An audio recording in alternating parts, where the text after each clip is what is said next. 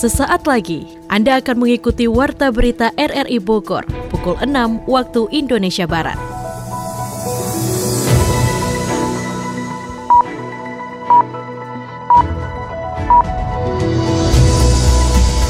Selamat pagi, salam jumpa. Kami kembali hadir dalam Warta Berita pagi ini, Jumat 6 Mei 2022. Siaran ini juga dapat Anda dengarkan melalui audio streaming RRI Play pada perangkat Android Anda, serta dapat Anda dengarkan kembali melalui podcast kami di Spotify, Anchor, Podtail, dan Google Podcast. Warta berita RRI Bogor ini juga turut disiarkan Radio Tegar Beriman Kabupaten Bogor. Berikut kami sampaikan berita utama.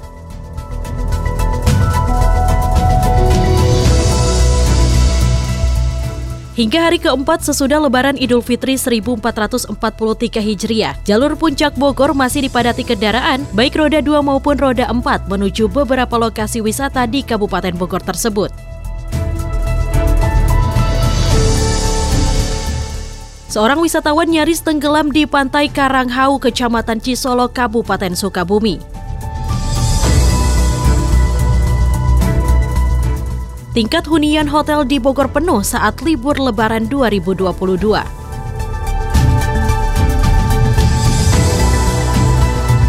Bersama saya Fitri Ardianti, inilah Warta Berita RRI Bogor selengkapnya.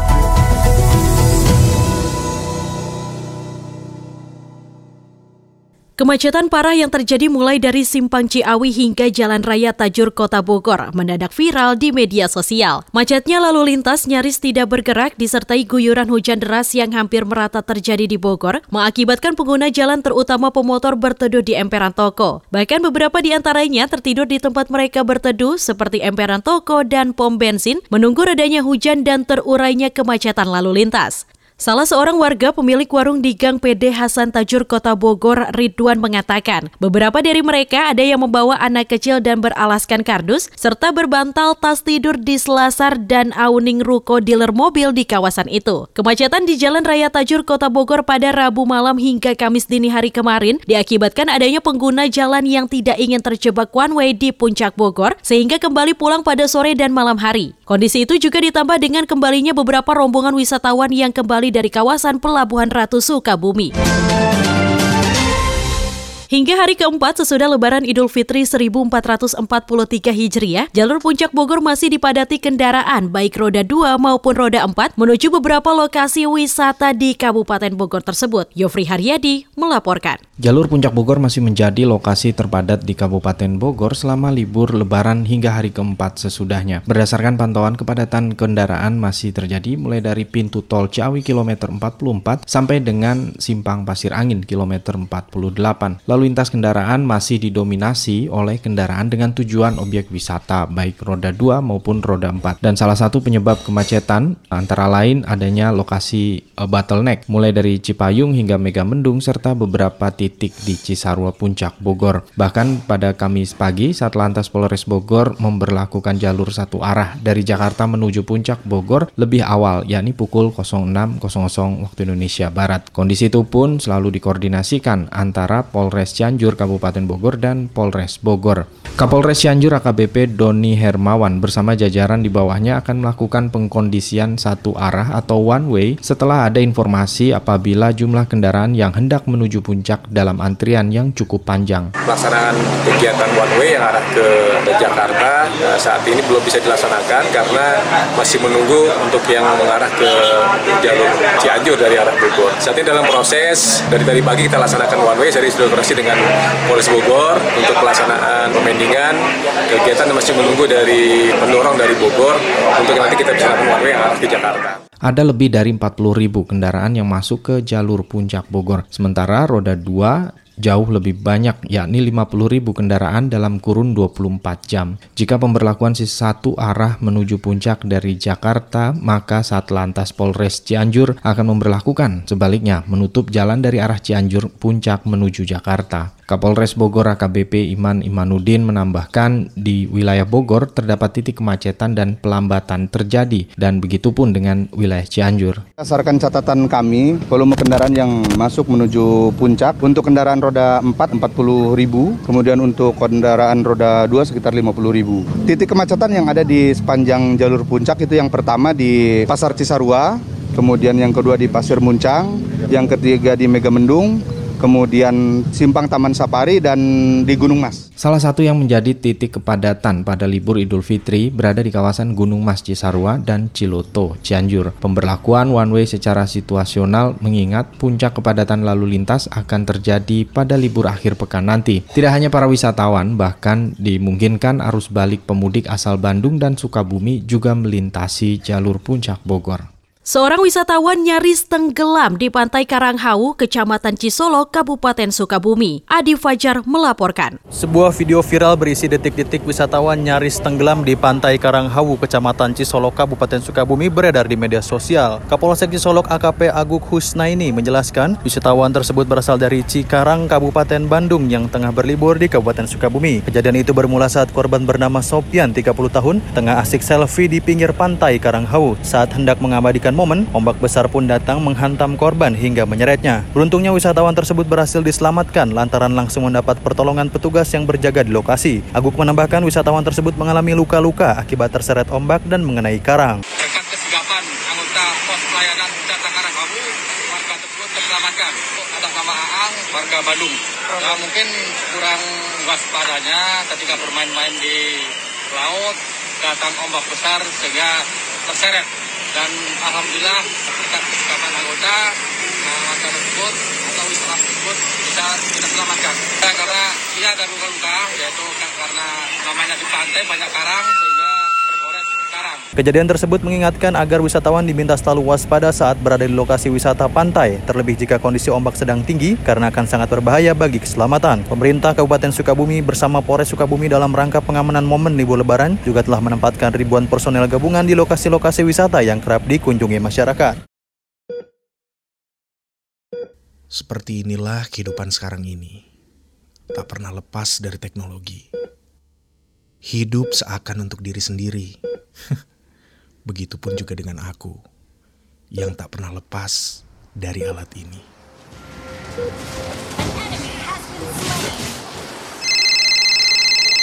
Halo, Nak. Ya lo ibu, ibu gimana sih? Kan aku lagi main game nih, jangan ditelepon dulu lah. Pengen tahu kabar kamu, Nak, di sana. Gimana kabar kamu? Kuliah kamu? Baik-baik aja bu. Ah, lagian aku udah gede, ngapain sih ditanya-tanya ah, ganggu aja. Aku lagi jalan nih mau ke kosan. Udah ya, nanti aja teleponnya. Ya udah, hati-hati ya, Nak. Kabarin Ibu kalau udah sampai. Bawel.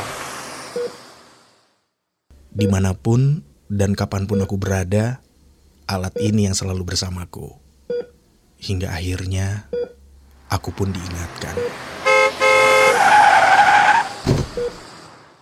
Kawasan wisata Taman Safari Indonesia Cisarua Bogor masih menjadi destinasi wisata unggulan pada saat libur Idul Fitri 1443 Hijriah. Yofri Haryadi melaporkan.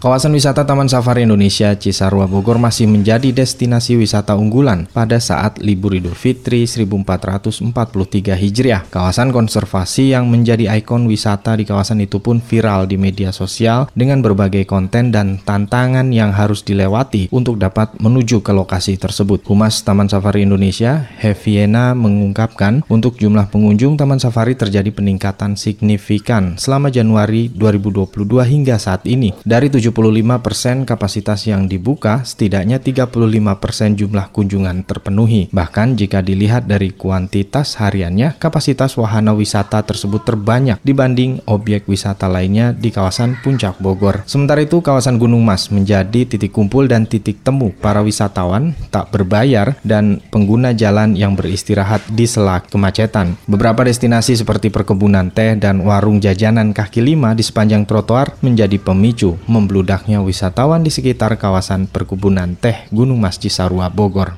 Tingkat hunian hotel di Bogor penuh saat libur lebaran 2022. Sony Agung Saputra melaporkan.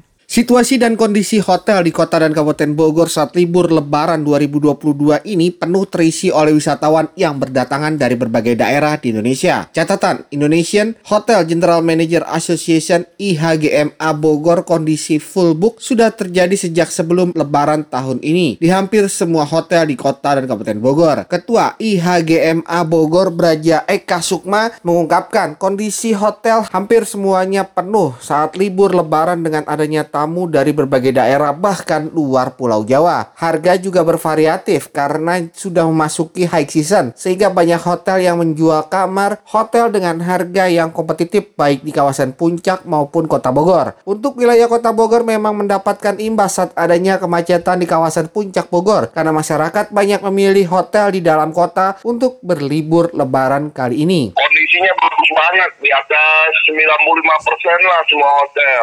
Puncak macet juga ya. Lagian juga puncak itu hotel-hotelnya kan bukan kelas bintang sedikit banget kelas bintang 4 ya.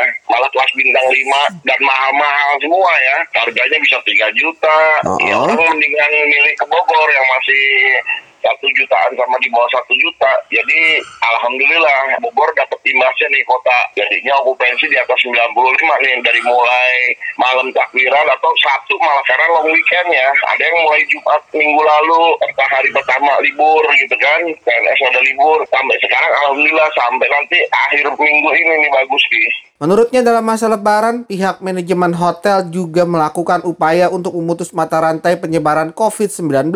Protokol kesehatan tetap diterapkan di kawasan hotel sehingga saat berdatangan tamu dari berbagai daerah, suasana pencegahan COVID-19 tetap berlangsung. Kalau promosi pasti habis cuma memang harganya nggak seperti hari biasa ya harganya lebih spesial maksudnya agak naik dikit lah jual 800 kota Bogor ya mungkin ada yang jual satu juta gitu tapi tetap aja karena memang ini adalah momen yang bagus setelah dua tahun orang nggak pada mudik gitu ya. Yang nggak pada mudik orang-orang Jakarta milih lebaran ke Bogor. Ini dalam tiga hari aja puncak macetnya luar biasa kan? Hmm. antusiasme warga Jabodetabek untuk ke puncak ke Bogor luar biasa. Untuk recovery kita belum selesai pandemi jadi tetap prokes mesti dijaga jangan sampai kelupaan kadang-kadang kalau kita udah euforia ketinggian gitu ya lupa prokes tetap prokes harus dijaga jangan sampai seperti tahun 2021 yang lalu habis lebaran yang ada meningkat tajam Betul. COVID ya. Semoga tahun ini nggak kejadian lagi. Selain itu pihak hotel juga membuat berbagai promo dan makanan khas lebaran untuk dapat menjaring tamu hotel lebih banyak lagi berdatangan di beberapa hari ke depan.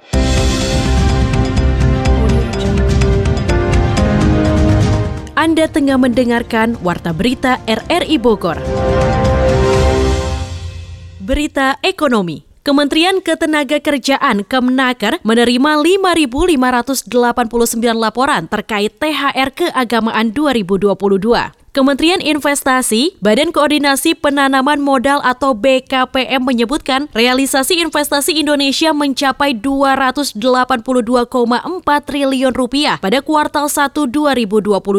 Adi Fajar Nugraha melaporkan. Kementerian Ketenagakerjaan menerima 5.589 laporan terkait THR keagamaan 2022. Jumlah ini merupakan akumulasi total sejak Kemenaker membuka posko THR sejak 8 April hingga 3 Mei. Hal itu disampaikan Sekjen Kemenaker Anwar Sanusi. Anwar menjelaskan jika pihaknya telah menyelesaikan sebanyak 1.708 laporan konsultasi THR dari total 2.586 laporan, sementara sisa 878 laporan masih dalam proses penyelesaian. Anwar menyebutkan dari 3.003 laporan yang masuk, 1.736 di antaranya berasal dari perusahaan. Isu yang diadukan yakni tidak dibayarkannya THR oleh 833 perusahaan sebanyak 1.430 laporan. Sementara 1.216 laporan terkait pembayaran THR yang tidak disesuaikan oleh 600 95 perusahaan. Dalam jumlah pengaduan THR 2022, DKI Jakarta tercatat sebagai pengirim laporan terbanyak dengan total 930 laporan. Mayoritas laporan terkait THR tidak dibayarkan sebanyak 416 laporan, THR tidak sesuai ketentuan 377 laporan dan 137 laporan THR terlambat dibayarkan. Kementerian Investasi menyebutkan realisasi investasi Indonesia mencapai 282,4 triliun rupiah pada kuartal 1 2022. Nilai tersebut tumbuh 28,5 persen secara tahunan atau 16,9 persen secara kuartalan. Sektor properti utamanya pergudangan menjadi kontributor terbesar investasi nasional. Investasi pada sektor transportasi, gudang dan telekomunikasi dengan nilai 27,01 triliun rupiah menjadi kontributor terbesar investasi penanaman modal dalam negeri yang mencapai 130 35,2 triliun rupiah pada triwulan pertama tahun ini. Adapun untuk perumahan kawasan industri dan perkantoran menjadi sektor usaha yang menyumbang investasi terbanyak ketiga, senilai 17,5 triliun rupiah dengan jumlah proyek sebanyak 1.399.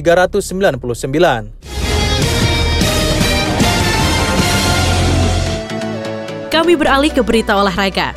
Kejayaan Real Madrid lolos ke babak final Liga Champions tak lepas dari peran penting yang ditampilkan penyerang muda asal Brasil, Rodrigo Goes. Indonesia memiliki satu wakil yang akan tampil pada putaran pertama ajang film Junior GP 2022, yakni Fadila Arbi Aditama dari tim Astra Honda Racing Team. Armelinda melaporkan.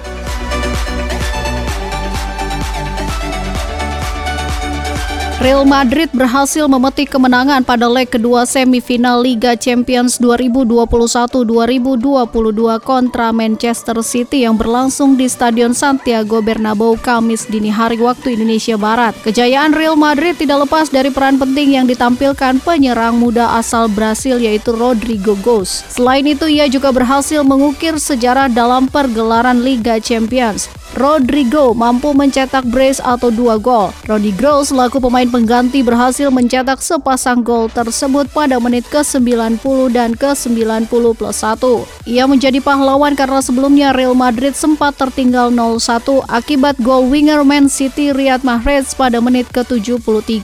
Jika Rodrigo tidak mencetak sepasang gol tersebut, Real Madrid akan tersingkir dari Liga Champions karena kalah agregat dari Man City. Keadaannya Man City unggul 5-3 setelah Riyad Mahrez mencetak gol ke gawang Real Madrid. Namun keunggulan tersebut seketika buyar pada penghujung babak kedua. Real Madrid selamat dari kekalahan karena sepasang gol dari Rodrigo membuat agregat menjadi imbang 5-5. Real Madrid kemudian berhasil menambah satu gol lewat eksekusi penalti Karim Benzema pada babak tambahan waktu dan mengunci kemenangan 3-1 atas Man City. Indonesia memiliki satu wakil yang akan tampil pada putaran pertama ajang FIM Junior GP 2022, yakni Fadila Arbi Aditama dari tim Astra Honda Racing Team. Dalam kejuaraan FIM Junior GP 2022, Fadila akan bersaing dengan 35 pebalap dari berbagai negara untuk mengejar prestasi tertinggi dan mengharumkan nama baik Indonesia di pentas internasional. Adapun putaran pertama FIM Junior GP 2022 dijadwalkan berlangsung di sirkuit Estoril, Portugal pada hari Minggu malam waktu Indonesia Barat. Fadilah Arbi Aditama telah mempersiapkan diri sejak Maret lalu untuk bisa tampil maksimal pada putaran pertama FIM Junior GP 2022. Pebalap asal Purworejo, Jawa Tengah tersebut mengikuti program latihan khusus baik untuk memperkuat fisik maupun kemampuan balap. Setelah menjalani rangkaian persiapan, Fadila Arbi Aditama bertekad tampil maksimal pada setiap putaran FIM Junior Junior GP 2022. Ia ingin memetik modal positif pada putaran awal di Eropa termasuk seri Portugal. FIM Junior GP merupakan jenjang pembinaan balap yang dilakukan Astra Honda Motor sebelum beranjak ke ajang Grand Prix.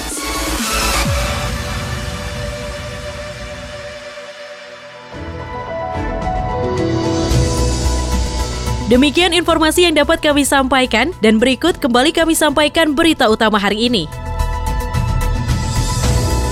Hingga hari keempat sesudah Lebaran Idul Fitri 1443 Hijriah, jalur puncak Bogor masih dipadati kendaraan, baik roda 2 maupun roda 4 menuju beberapa lokasi wisata di Kabupaten Bogor tersebut. Seorang wisatawan nyaris tenggelam di pantai Karanghau, Kecamatan Cisolok, Kabupaten Sukabumi. Tingkat hunian hotel di Bogor penuh saat libur Lebaran 2022. Siaran ini dapat Anda dengarkan kembali melalui podcast kami di Spotify, Anchor, Potel, dan Google Podcast. Mewakili kerabat kerja yang bertugas hari ini, saya Fitri Ardianti mengucapkan terima kasih, selamat pagi, dan sampai jumpa.